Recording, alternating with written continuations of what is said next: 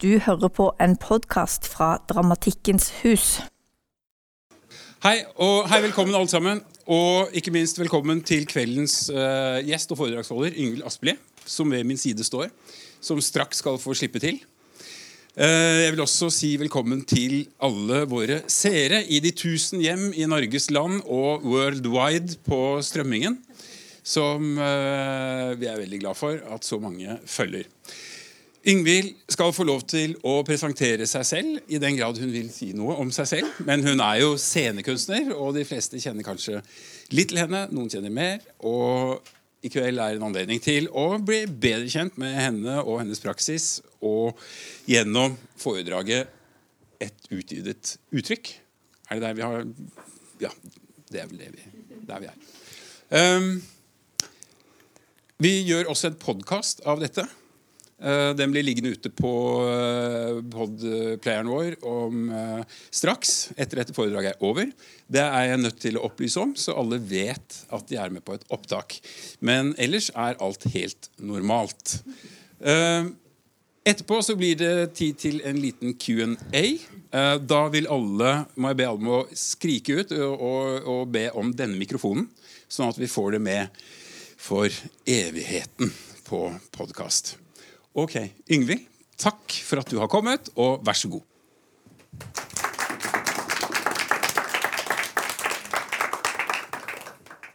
Jeg er Yngvild Aspli. Jeg er teaterskaper og figurmaker. Um, og jeg skal da snakke med dere om det jeg er veldig opptatt av, eller besatt av, kan man vel til tider si. Eh, jeg skal snakke litt om teater og om kunstnerisk prosess, og ikke minst mitt komplekse, kompliserte og kompromissløse kjærlighetsforhold til figurteater. Eh, og når man skal snakke om sånne store og innfløkte ting som kunsten og livet og kjærligheten, eh, som jo gjerne er blandet sammen til en slags floke, Eh, så er det jo eh, alltid lurt å begynne på begynnelsen og ta tak i en slags trådende og nøste seg fremover. Men jeg tror at jeg i stedet er nødt til å begynne midt inni floka, fordi det er der jeg er nå. Jeg er midt inni en eh, inni kaoset som fører frem til en ny forestilling. Um, og det er jo et lettere ambisiøst prosjekt som jeg har satt i gang. Um, siden forestillingen er basert på um, Herman Melvilles Moby Dick og skal ha premiere nå i juli på Avignon-festivalen i, i, Frankrike. Um, men jeg har da altså fått det for meg at jeg trenger en 20 meter lang hval og et uendelig hav å bryne meg på. Så nå løper sju skuespillere, tre musikere, fire figurmakere, en scenograf, en kostymedesigner, en videodesigner, tre teknikere, en dramaturg og hele det fantastiske teamet på Figurteatret i Nordland rundt oppe i Stamsund. Alle med det mål å sjøsette denne galskapen. Uh, når jeg lager en forestilling, en teaterforestilling, så jobber jeg med hvordan uh, jeg kan oversette teksten til et visuelt språk. Hvordan jeg kan uh, få historien til å bli en slags fysisk opplevelse.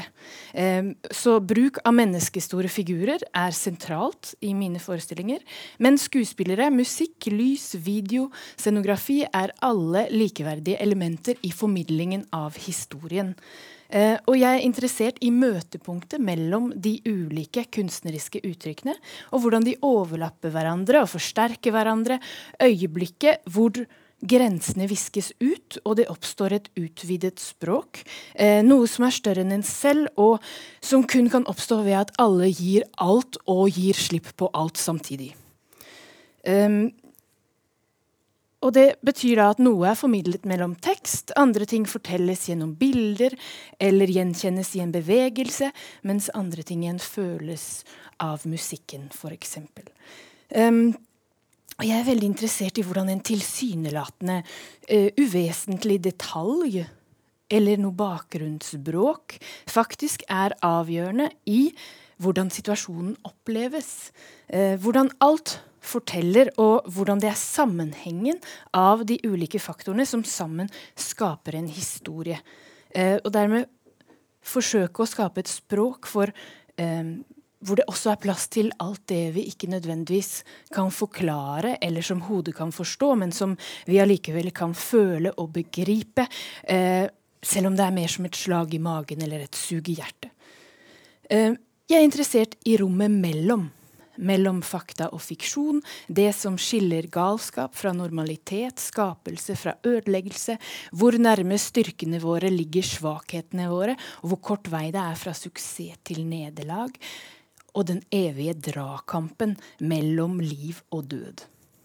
Den usynlige linja, grensespråket og alt alle de gjørmete og kompliserte og noen ganger ganske ubehagelige gråsonene i mennesket. Og dette her er da en av grunnene til at jeg er så opptatt av forholdet og spillerommet mellom figurer og mennesker. Fordi jeg liker denne forvirringen som oppstår når en figur, som jo er et dødt objekt, eh, opp fremstår som mer levende enn skuespilleren som gir den liv. Eh, når alt blir satt på hodet, og vi ikke lenger vet hvem som styrer hvem.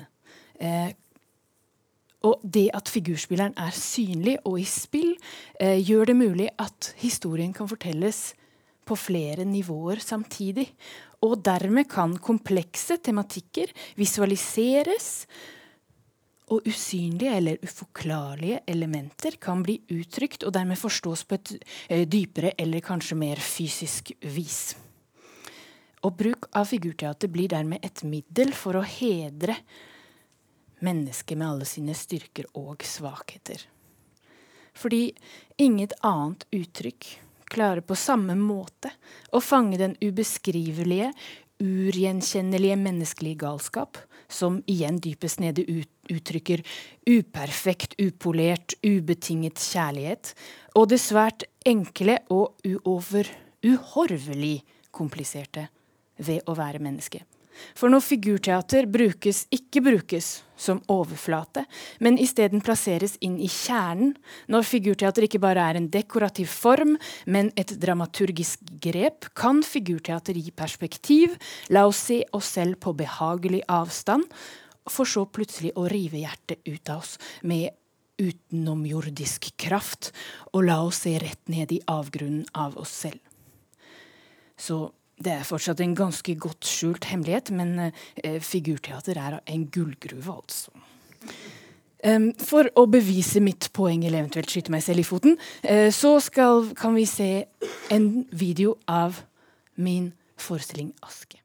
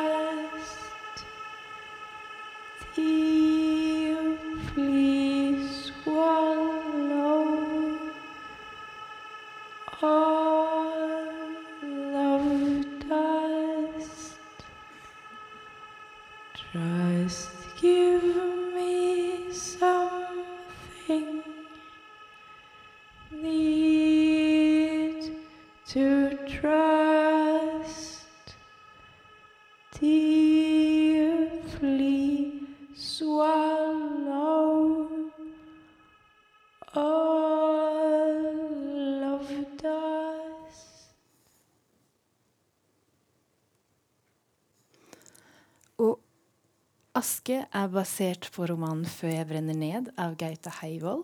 Eh, som handler da om en pyroman som, som herjer i bygda hvor forfatteren er født. Et par måneder etter at han blir født.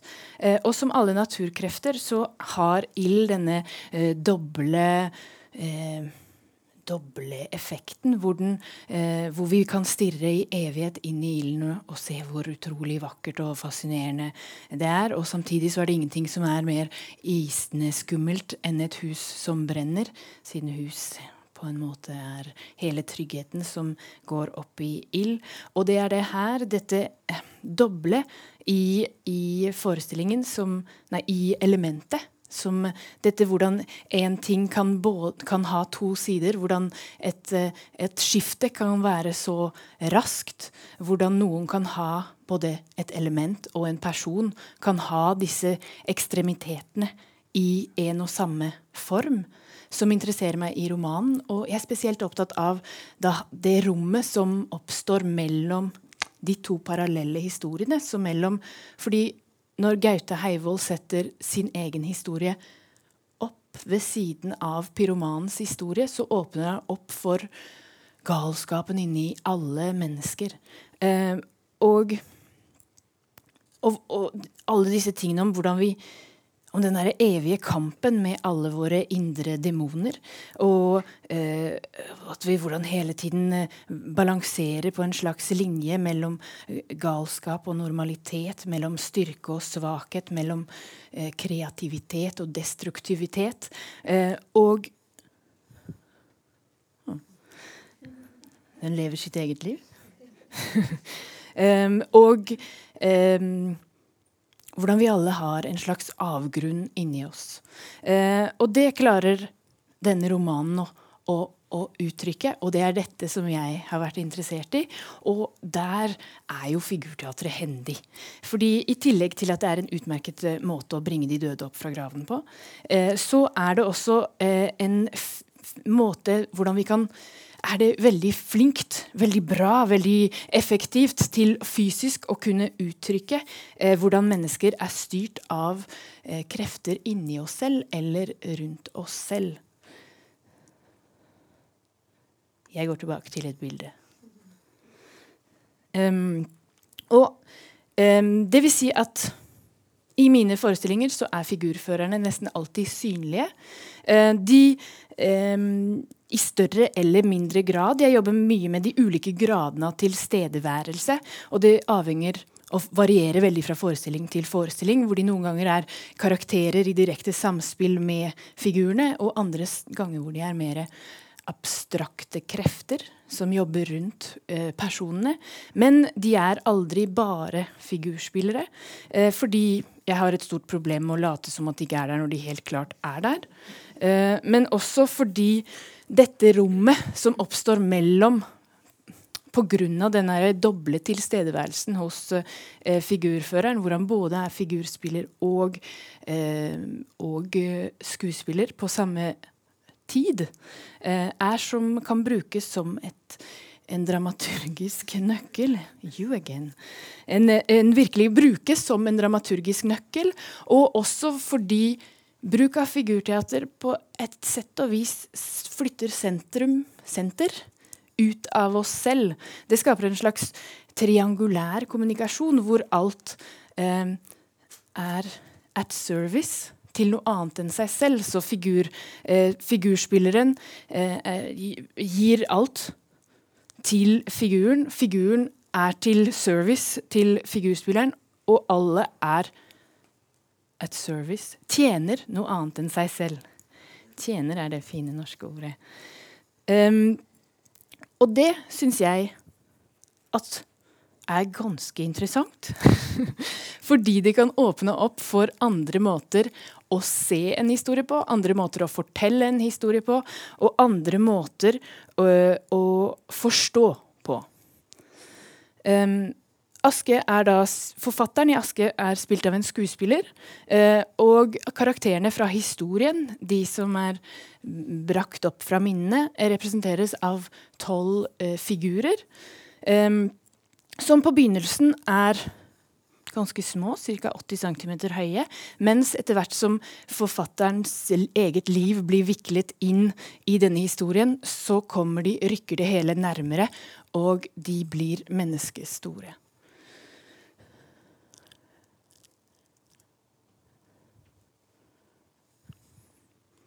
Jeg lar disse bildene snakke for seg selv.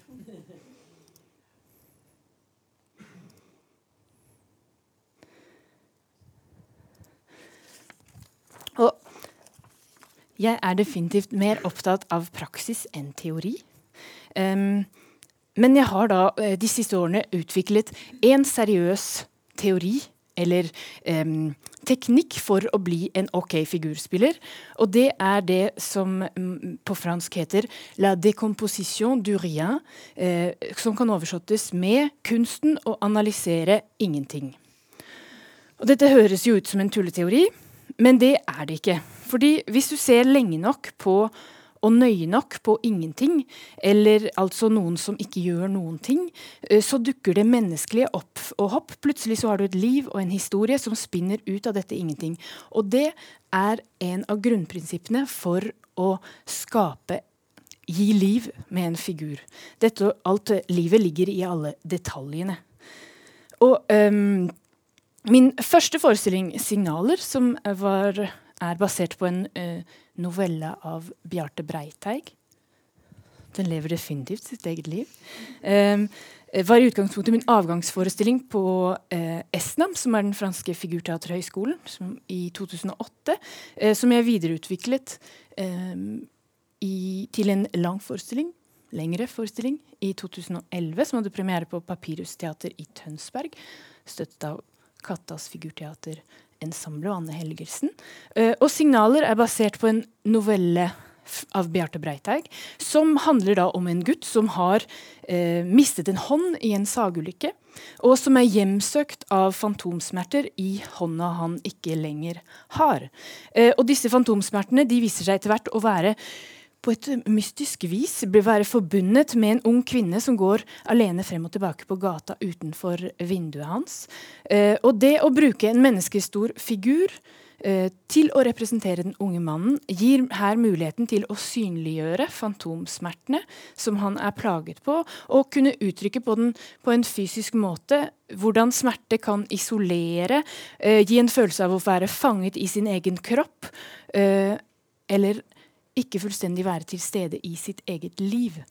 Så figurføreren styrer en frosset versjon av seg selv, som om man er koblet ut av sin egen kropp eller ser seg selv fra utsiden. Og siden eh, gutten faktisk mangler en hånd, noe som er en annen ganske praktisk fordel ved å bruke en figur istedenfor en skuespiller, eh, så kan figurførerne leke med guttens hode på sett og vis, og la den ikke-eksisterende hånda dukke opp, forsvinne, erte han, plage han på ulike, eh, ulikt vis. Og fordi figurteater kan gå langt over streken for både fysiske lover og generell folkeskikk, og har et deilig absurd eh, aspekt, så kan man eh, si eller vise ting med en veldig effektiv brutalitet, eh, men også med lekenhet og humor. Selv om jeg kanskje er bedre på det første enn det andre.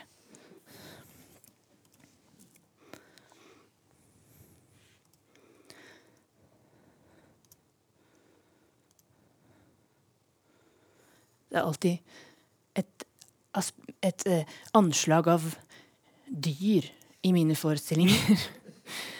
uh, sikkert også fordi de, jeg jobber mye rundt dette overgangen mellom liv og død. At, og at det er disse dyrene som kommer tilbake. Her i signaler er det et rådyr. I Aske er det en elg og en ulv, men spesielt elgen. Eh, at det alltid er noe dyr som, eh, som, også er til stede. Så det er på en måte hele tiden en Ok, vi snakker mye om mennesket, men hvis vi skal snakke om mennesket, så er naturen alltid et eller annet sted. og lurker i bakgrunnen. Um, og i, i, um, i signaler Jeg skal bare gå tilbake på min veldig profesjonelle powerpoint.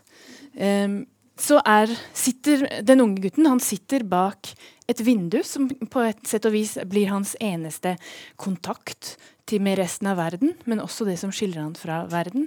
Og eh, I forestillingen så bruker vi dette vinduet til en slags levende lerret, hvor tegninger eh, i et hvitt fargepigment eh, dukker opp og forsvinner igjen. Og vi ser eh, Vi får et lite innblikk inn i hans hode. Og det er en blanding av, eh, av spor i snøen eller erotiske drømmer og eh, glims fra ulykken. Eh, og eh, dette er an, en annen ting som jeg bruker ofte, i tillegg til at det er figurer og musikk og eh, lys, lyd, scenografi, alle disse eh, elementene, så er det alltid et visuelt element i tillegg, fordi det gir oss et annet perspektiv. Kan virkelig snu, gi oss eh, innblikk inn i personens hode, eller se igjen, se ting. Ha et annet eh, narrativt middel. Og i min andre forestilling, Opera Opak, så er det ikke tegninger som i signaler, men skyggeteater som vi bruker. Um, La oss se en video.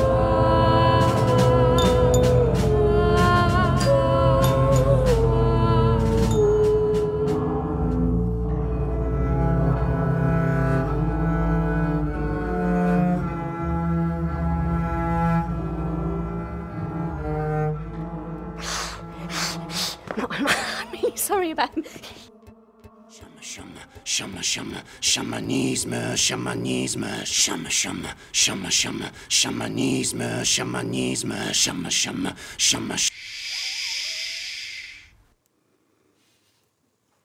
Ja. Um, og Opera Opak um, det er min eneste forestilling rettet mot barn. Det er også den eneste forestillingen som ikke er basert på et litterært verk. Eh, det var et bestillingsverk fra turnéorganisasjonen i Hedmark og var en koproduksjon med Teater Innlandet. Hadde premiere på Hamar i 2013. Eh, og Opera Opak det er en redselskabaret for eh, barn fra åtte år og oppover. Ledet av den noe manipulerende Madame Silva, som er en menneskestor figur styrt av to lettere vettskremte assistenter, spilt av Polina Borisova og Pierre Toile, som jeg har samarbeidet med på veldig mange forestillinger. Eh, og en rekke miniskrekkfilmsekvenser i skyggeteater. Eh, så vi har eh, traumatisert veldig mange barn i Hedmark og Oppland med denne forestillingen. Eh, og scenografien som dere ser, er laget av Gunhild Mathea Olaussen. Eh, og kostymene er av Sylvia Denet, som også har eh, laget kostymer for Aske og Chambre Noire. Og det er jo ikke en, eh, lett jobb å lage kostymer og scenografi for figurteater, fordi vi er veldig lei av å være eh, i, eh, i fløyelsjoggedress med hette. Så vi vil ikke ha mer av det. Men allikevel så vi vil gjerne ha noe fint og fine linjer og sånn. Men allikevel så må det være gjerne svart eller i hvert fall veldig mørkegrått, og veldig diskré. Så det er en, en slags eh, evig kompromissituasjon, dette med kostymer og scenografi for figurteater. Um, figurteater blir ofte assosiert med barneteater. Og figurteater fungerer utmerket for barn. Men det handler ikke om at det er figurteater. Det handler om at det er en forestilling for barn. End of story. Eh, mitt forhold til figurteater er komplisert og kompromissløst. Det er definitivt et elsk-hat-forhold. Eh, det er jo sånn at til og med jeg som har et veldig fint papir et eller annet sted, som beviser at jeg er en actrice marionettist, eh, fortsatt må ta meg selv noen ganger i å svare litt for fort på spørsmål om hva jeg jobber med for figurteater. Figurteater, figur, figurteater er jo helt klart en litt ukul klubb. Um, og jeg har en slags evig debatt med meg selv. Fordi når jeg satt meg nå ned og prøvde å finne ut hva skal jeg snakke om i en time, uh, så ble det jo etter hvert ganske klart for meg selv at det som gjør meg varm i trøya, det er figurteater.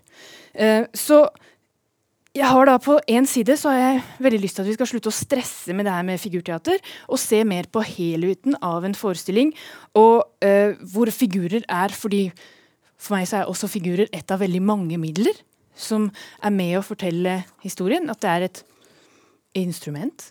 Eh, og samtidig så kjenner jeg at jeg får veldig vondt inni meg når jeg jobber med teaterteater, og noen kaller figurene mine for en rekvisitt eller et scenografielement. Og dermed reduserer mitt yrke, min kunnskap og mitt håndverk til et slags triks. Um, og det fins mange måter å bli å være en figurspiller på, men det er og blir et spesifikt håndverk og et eget yrke. Og Det er heller ikke til å komme bort fra at en høyere utdannelse, satt på lik linje med andre utdannelser spesialisert i figurteater, bidrar til å gi dette yrket og tittelen tyngde, legitimitet og synlighet. Dette fører til at det i Frankrike eh, finnes teatersjefer på nasjonale institusjonsteater som er figurspillere, og det hjelper dette hjelper selvfølgelig med til å eh, utvikle figurteaterets posisjon og status. Eh, og det at det i tillegg finnes teater som offisielt har i oppdrag å fremme bl.a. figurteater, legger til rette for at figurteatret kan integreres på lik linje som alle andre eh, fine uttrykk i teatermiljøet. Eh, jeg er kunstnerisk leder for det fransk-norske teater kompaniet, Plexus Polaire. Eh, og alle mine forestillinger er produsert både i Frankrike og i Norge. 50-50 prøvetid. Eh, selv om vi har definitivt flere som kaster seg etter oss i Frankrike enn i Norge. Foreløpig. Uh, uh, og I Norge er det først og fremst Figurteatret i Nordland som har vært en viktig uh, partner og støttespiller for meg. Så De har koprodusert Aske, Chambre Noir og nå også Moby Dick. Og Figurteatret i Nordland de er, det er genialt både fordi de tilbyr unike arbeidsvilkår med mye vind i håret, og at det jobber utrolig flinke folk der, men også fordi de bringer verden litt nærmere Norge, og det er jo ikke til å kimse av i disse dager, eh, ved at de inviterer eh, ulike uttrykk innen figurteatret fra hele verden, og dermed bidrar til å åpne opp for hva figurteater kan være. La oss se på en, en liten video fra Chambre Noir.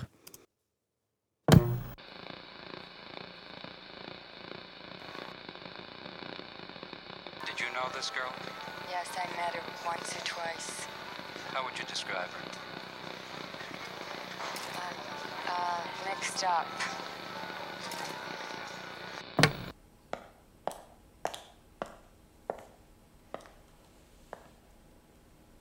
Name of the accused. Where do you live?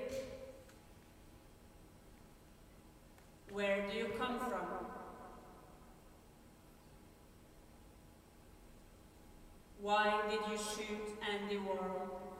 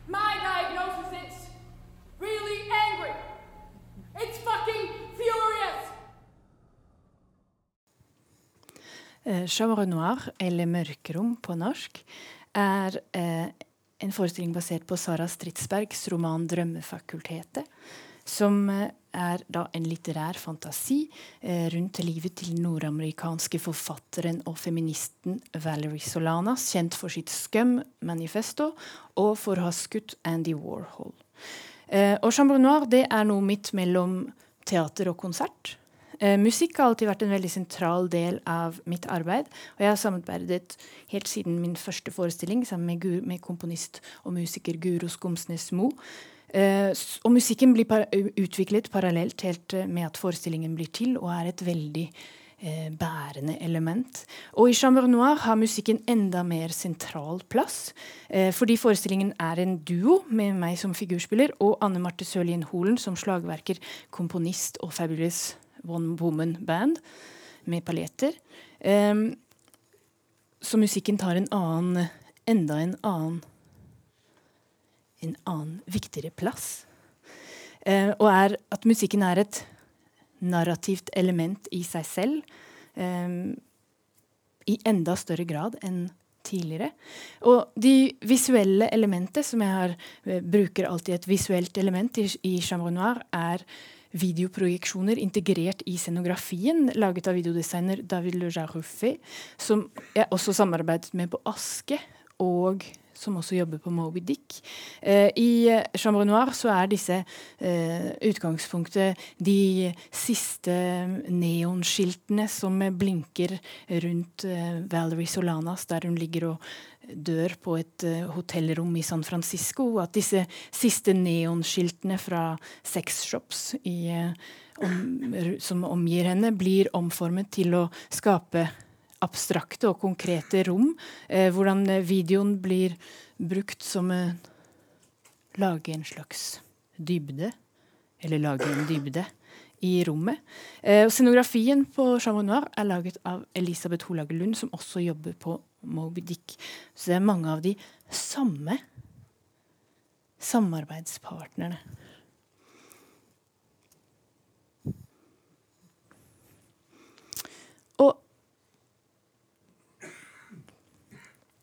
I, på Chambre Noir jeg er også figurmaker og lager alltid mine egne ansikter. Men jeg samarbeider også med andre veldig flinke figurmakere. I, på Chambre Noir så er det Polina Borisova som er min eh, partner in crime når det gjelder laging av figurer. Og Pascal Blesson, som står for figurmakingen. Um, og Valerie Solanas er da representert surprise, surprise, eh, av en menneskestor figur. Eh, og vi henne tre, møter henne på tre ulike stadier i hennes liv. Når, som barn, som 32-åring i New York da hun skjøt Andy Warhol, og eh, når hun ligger og dør alene som 57-åring på et lugubert hotellrom i San Francisco. Og jeg kunne ikke fortalt denne historien uten bruk av figurteater. Eh, figurteater la meg visualisere de underliggende temaene som seksualitet, misbruk eh, og objektivisering av kvinnekroppen på en konkret og fysisk måte. Um, Figurteater gjør også at jeg kan ulike, ø, iscenesette de ulike aspektene av manipulasjon som er knyttet til denne historien. Eh, og en figur kan på en unik måte fange den tidløse overgangen mellom liv og død. Som jo er der Valerie Solanas befinner seg i det hele denne historien tar av. Til den rare kabareten det blir til. Um, og figurer, de har en slags eh, metafysisk dimensjon. Og de er et slags middel, et kommunikasjonsmiddel eller et medium som kommuniserer på tvers av tid og rom. Um, og det at forestillingen er veldig visuell, betyr ikke at den ikke har tekst. Uh, det betyr bare rett og slett at tekst ikke er det eneste elementet som formidler historien, eller at det er en av mange kommunikasjonsmidler. Valerie Solanas hun angriper systemet. urettferdigheten som er inngrodd i samfunnets struktur. Og i sin ekstremitet så snur hun verden opp ned, og hun rister litt i sannheten og tvinger oss til å se to ganger på hva som er normalt. Eh, det er den som forteller, som bestemmer hva historien er. Og et samfunn består aldri kun av de historiene som blir fortalt, det består også av alt det som ikke blir fortalt. Og de ufortalte historiene, det som ingen skrev ned, de som ikke blir sett, som ble satt til side, sensurert, gjemt og glemt ut av historien. Og vi trenger forskjellige fortellere. Eh, flere referanser. Vi trenger å se ting å ha tilgang på alternative historier og alternative fortellerstemmer. Eh, og vi trenger å høre en annen mening enn vår egen. Vi trenger å se ting fra syns, en annen synsvinkel. Og vi har alle godt av å dyttet litt ut av vår egen komfortsone innimellom og av og til. Um, og noen ganger så hadde det vært fint å tenke hvis vi kanskje kunne snu litt opp ned på ting. og og tenkte at tvil ikke er en svakhet, men en styrke, og at kanskje vi burde stole litt mer på de som tviler, og, og være litt mer skeptiske de som er altfor sikre i sin sak. Men det er Valerie Solanas å snakke mer om. Eller skrike mer om. Um, jeg er jo som sagt midt i prosessen med en ny forestilling.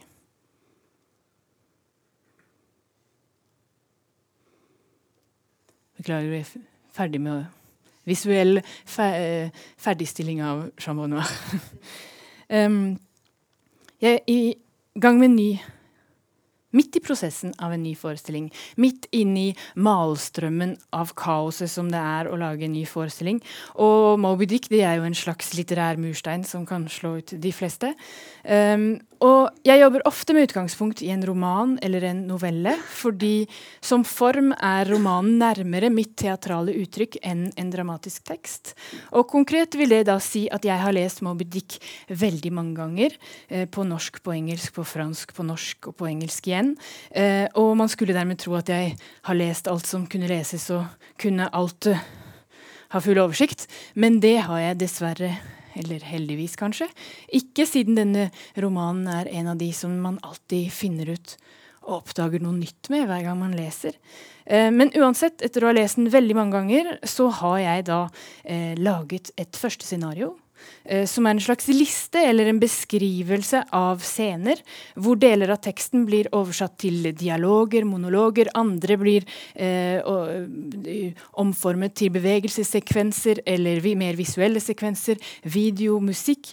Eh, og som, med dette som utgangspunkt så gjør vi en veldig, veldig, veldig mange improvisasjoner som videreutvikles igjen og igjen, helt til de blir ferdige scener eller biter som da settes sammen til en helhet enhetlig linje. Så selv om det er veldig mange ting som forberedes på forhånd, eh, så skrives forestillingen hovedsakelig på gulvet. Uh, og denne prosessen er veldig viktig uh, for hele tiden å ha en dialog mellom idé og realitet, teori og praksis, og først og fremst mellom verksted og scene. Fordi selv om jeg kan ha en veldig god idé mens jeg sitter og skriver på datamaskina, så er det ikke, slett ikke sikkert at denne ideen er like god når vi prøver den på scenen, eller at figuren gjør, vil noe helt annet enn det jeg vil at den skal gjøre. Um, og alle de medskapende kunstnerne er aktive, er aktive i denne delen av prosessen. Um, og musikken komponeres parallelt med alle scenene, som utvikles i samarbeid med figurspillerne. Lys og video, og ikke minst scenografi. Alle er aktive gjennom helt fra begynnelsen av prosessen, fordi alt avhenger av hverandre og må skrives samtidig. Noe som gjør at det, dette er veldig kaotisk og veldig mye eh, positivt ego som må uh, deals with.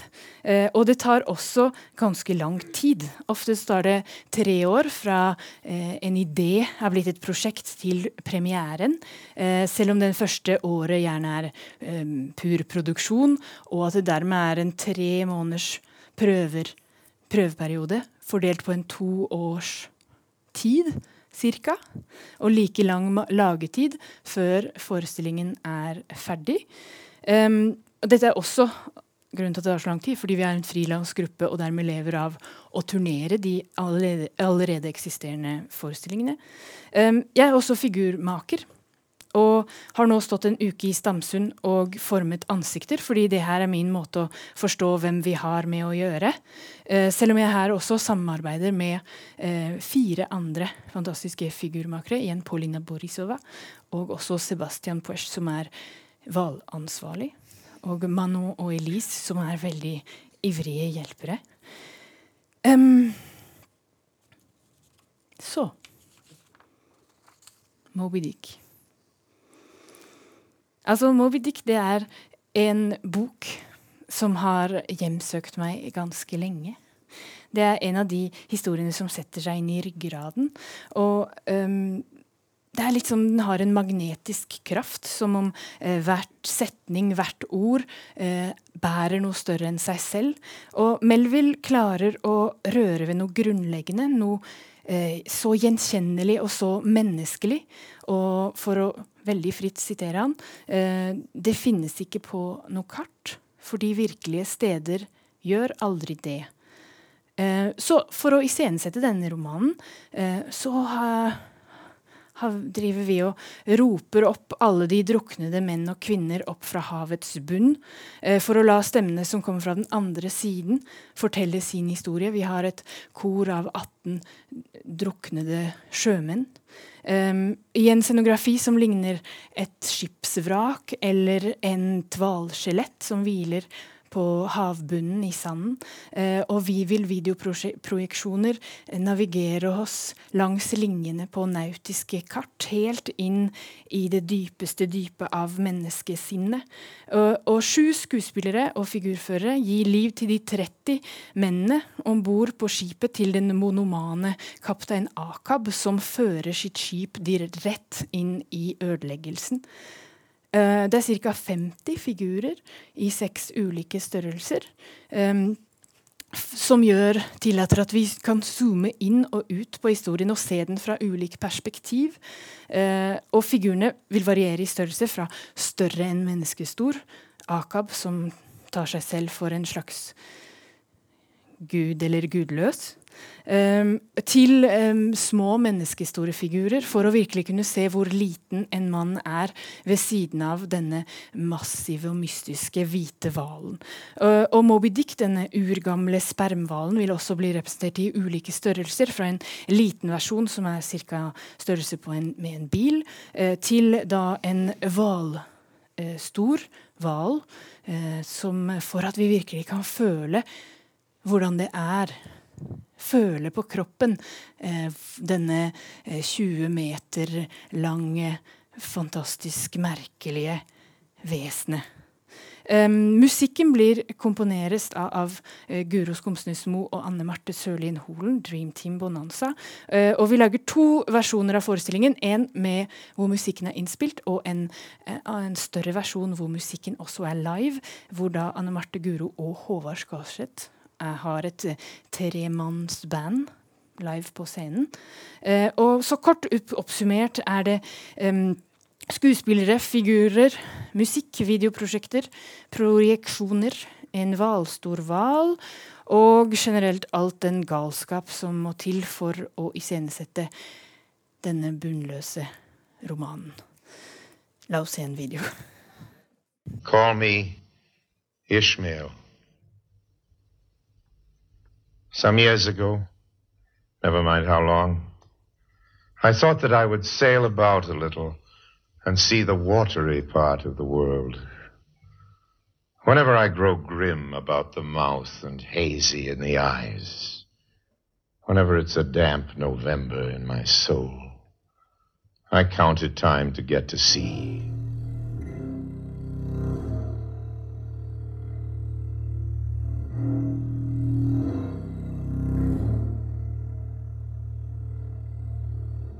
Almost all men, sometime or other, cherish these same feelings toward the ocean.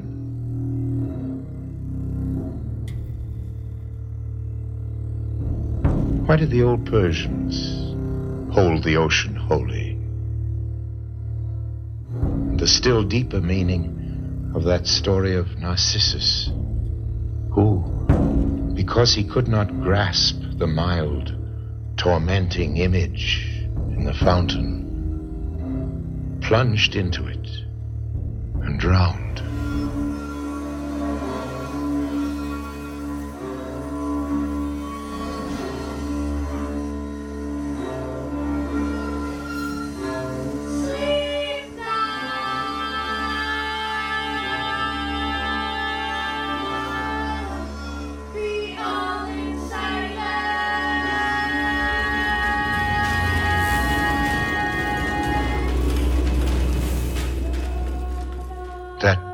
Same image we ourselves see in all rivers, in oceans and in lakes and wells.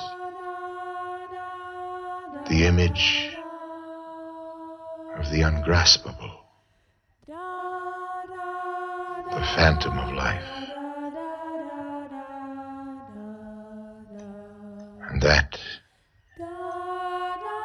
is the key to it all.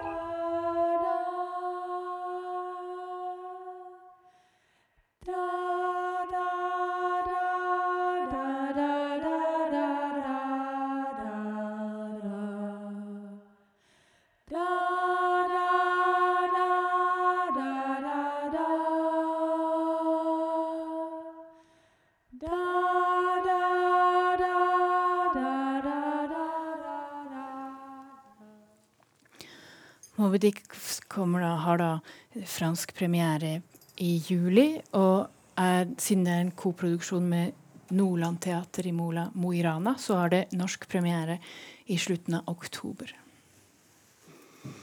Og nå kan dere stille alle spørsmålene som dere har. Comments? Spørsmål? Ingen? Overveldet.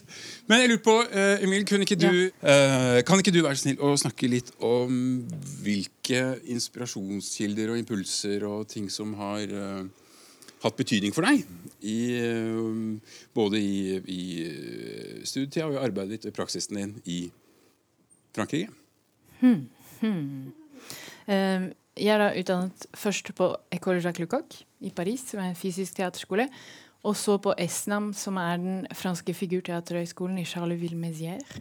Eh, jeg tror begge Det som eh, er en stor inspirasjon på begge de skolene, fordi det er tilfellet for begge skolene, er at de er internasjonale skoler. Sånn at man har veldig mange, møter veldig mange ulike kulturer, ulike språk, ulike måter å uttrykke seg på. Og jeg tror dette har vært en veldig stor og viktig inspirasjon for meg. Eller så tror jeg at selvfølgelig i eh, ved å man, Alt man ser, er jo som en slags, man er jo som en slags svamp av eh, at alt blir eh, inspirasjon.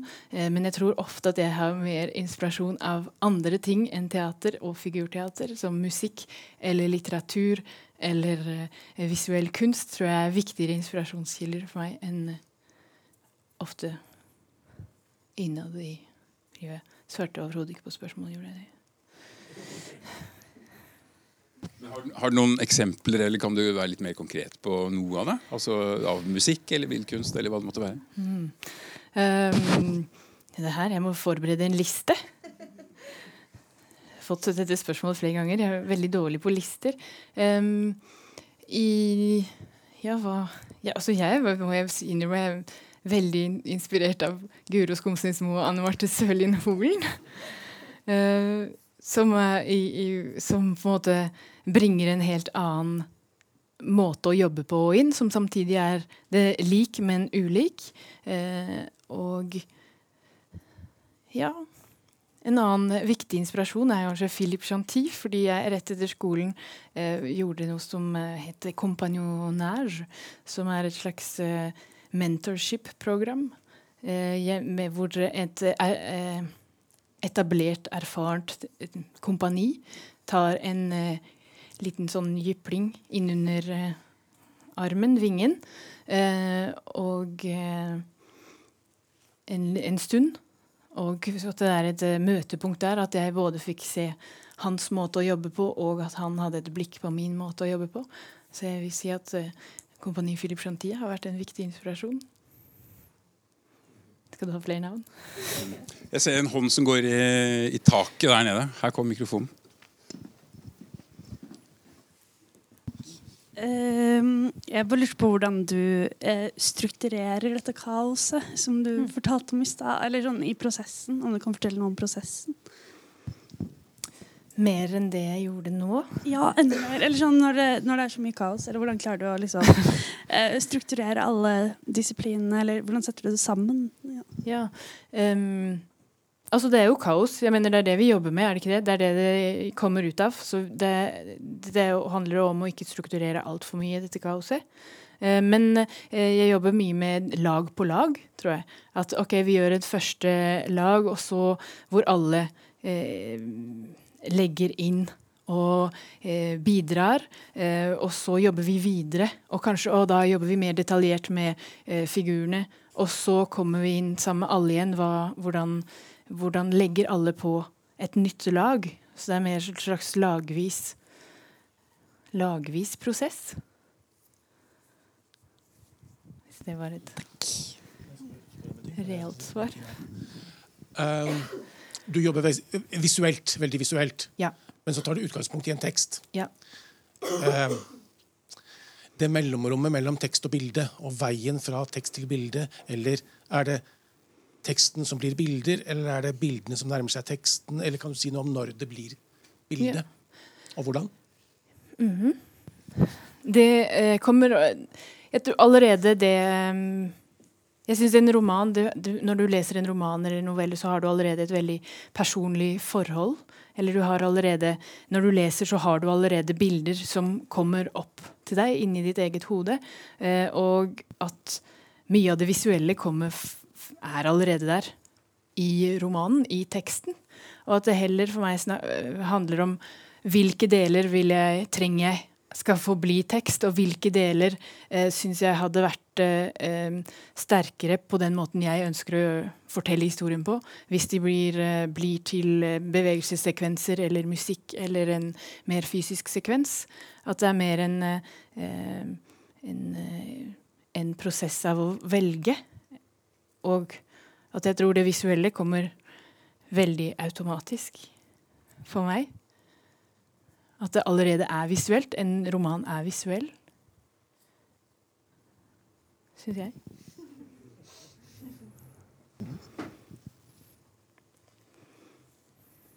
Du eh, er figurfører, og du eh, er regissør, og du former ting med hendene dine og, og lager bilder, og du skriver også i deler av prosessen. Og så lurte jeg på om, eh, om dette at du gjør At du har mange sentrale roller, var helt naturlig i, i din i, i, eh, i utdanningen din og i det miljøet du har vært i, eller om det var noe om det har vært liksom noe som har utløst det. Um, ja, om, Ja. Hvordan, hvordan det ble sånn, på en måte. Eh, Det er sikkert litt begge deler. At jeg allerede hadde allerede, eh, allerede lagde ting, eh, og samtidig eh, skrev og tegn. At det allerede var noe som var der. Men også begge mine utdannelser, spesielt Charleville, har en Det er hvor vi får innføring i veldig mange ulike deler. Vi lærer å bli figurmakere og figurførere, og vi lager egne prosjekter. At du hele tiden er får, må gjøre alt. Selv om et, etterpå er det ikke alle som gjør alt. Ofte så velger man. det er sikkert lurt. Eh, men at vi har i hvert fall fått en innføring i alt, da. Og jeg tror jeg likte dette med å gjøre alt. Mm.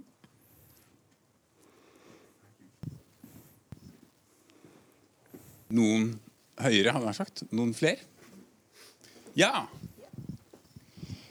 Hva er det som gjør at det blir akkurat de bøkene eller de romanene det blir? Har du liksom 10 000 bøker, og så er det en Eller er det den du leste, og så kjenner du «Åh, den skal bli en forestilling? Ja. Jeg tror det ofte er en tematikk som allerede har jobba en stund. Sånn, en sånn lyst eller behov for å jobbe med en tematikk som dermed møter en historie, en roman, som sier OK, det her kan eh, fungere sammen. Denne romanen kan bære eller gi en ramme til den tematikken som jeg har lyst til å snakke om. Så tematikken er ofte først, og så leter du etter Ja, det- mot, eller det Ja. materialet ditt. Det er ikke engang eh, lete etter. Jeg tror det er mer at det kommer. ja. Men tematikken er først.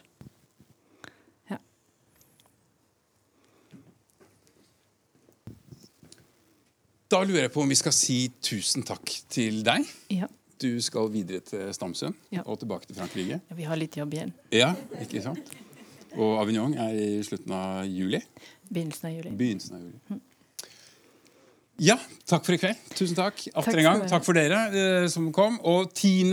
mars, som er da om 14 dager, så kommer Ludvig Ulbosch med et foredrag som heter Dyp økologisk dramaturgi, med utgangspunkt i prosjektet hans om Arne Næss. Så be tuned. Kom tilbake da. Takk for i kveld.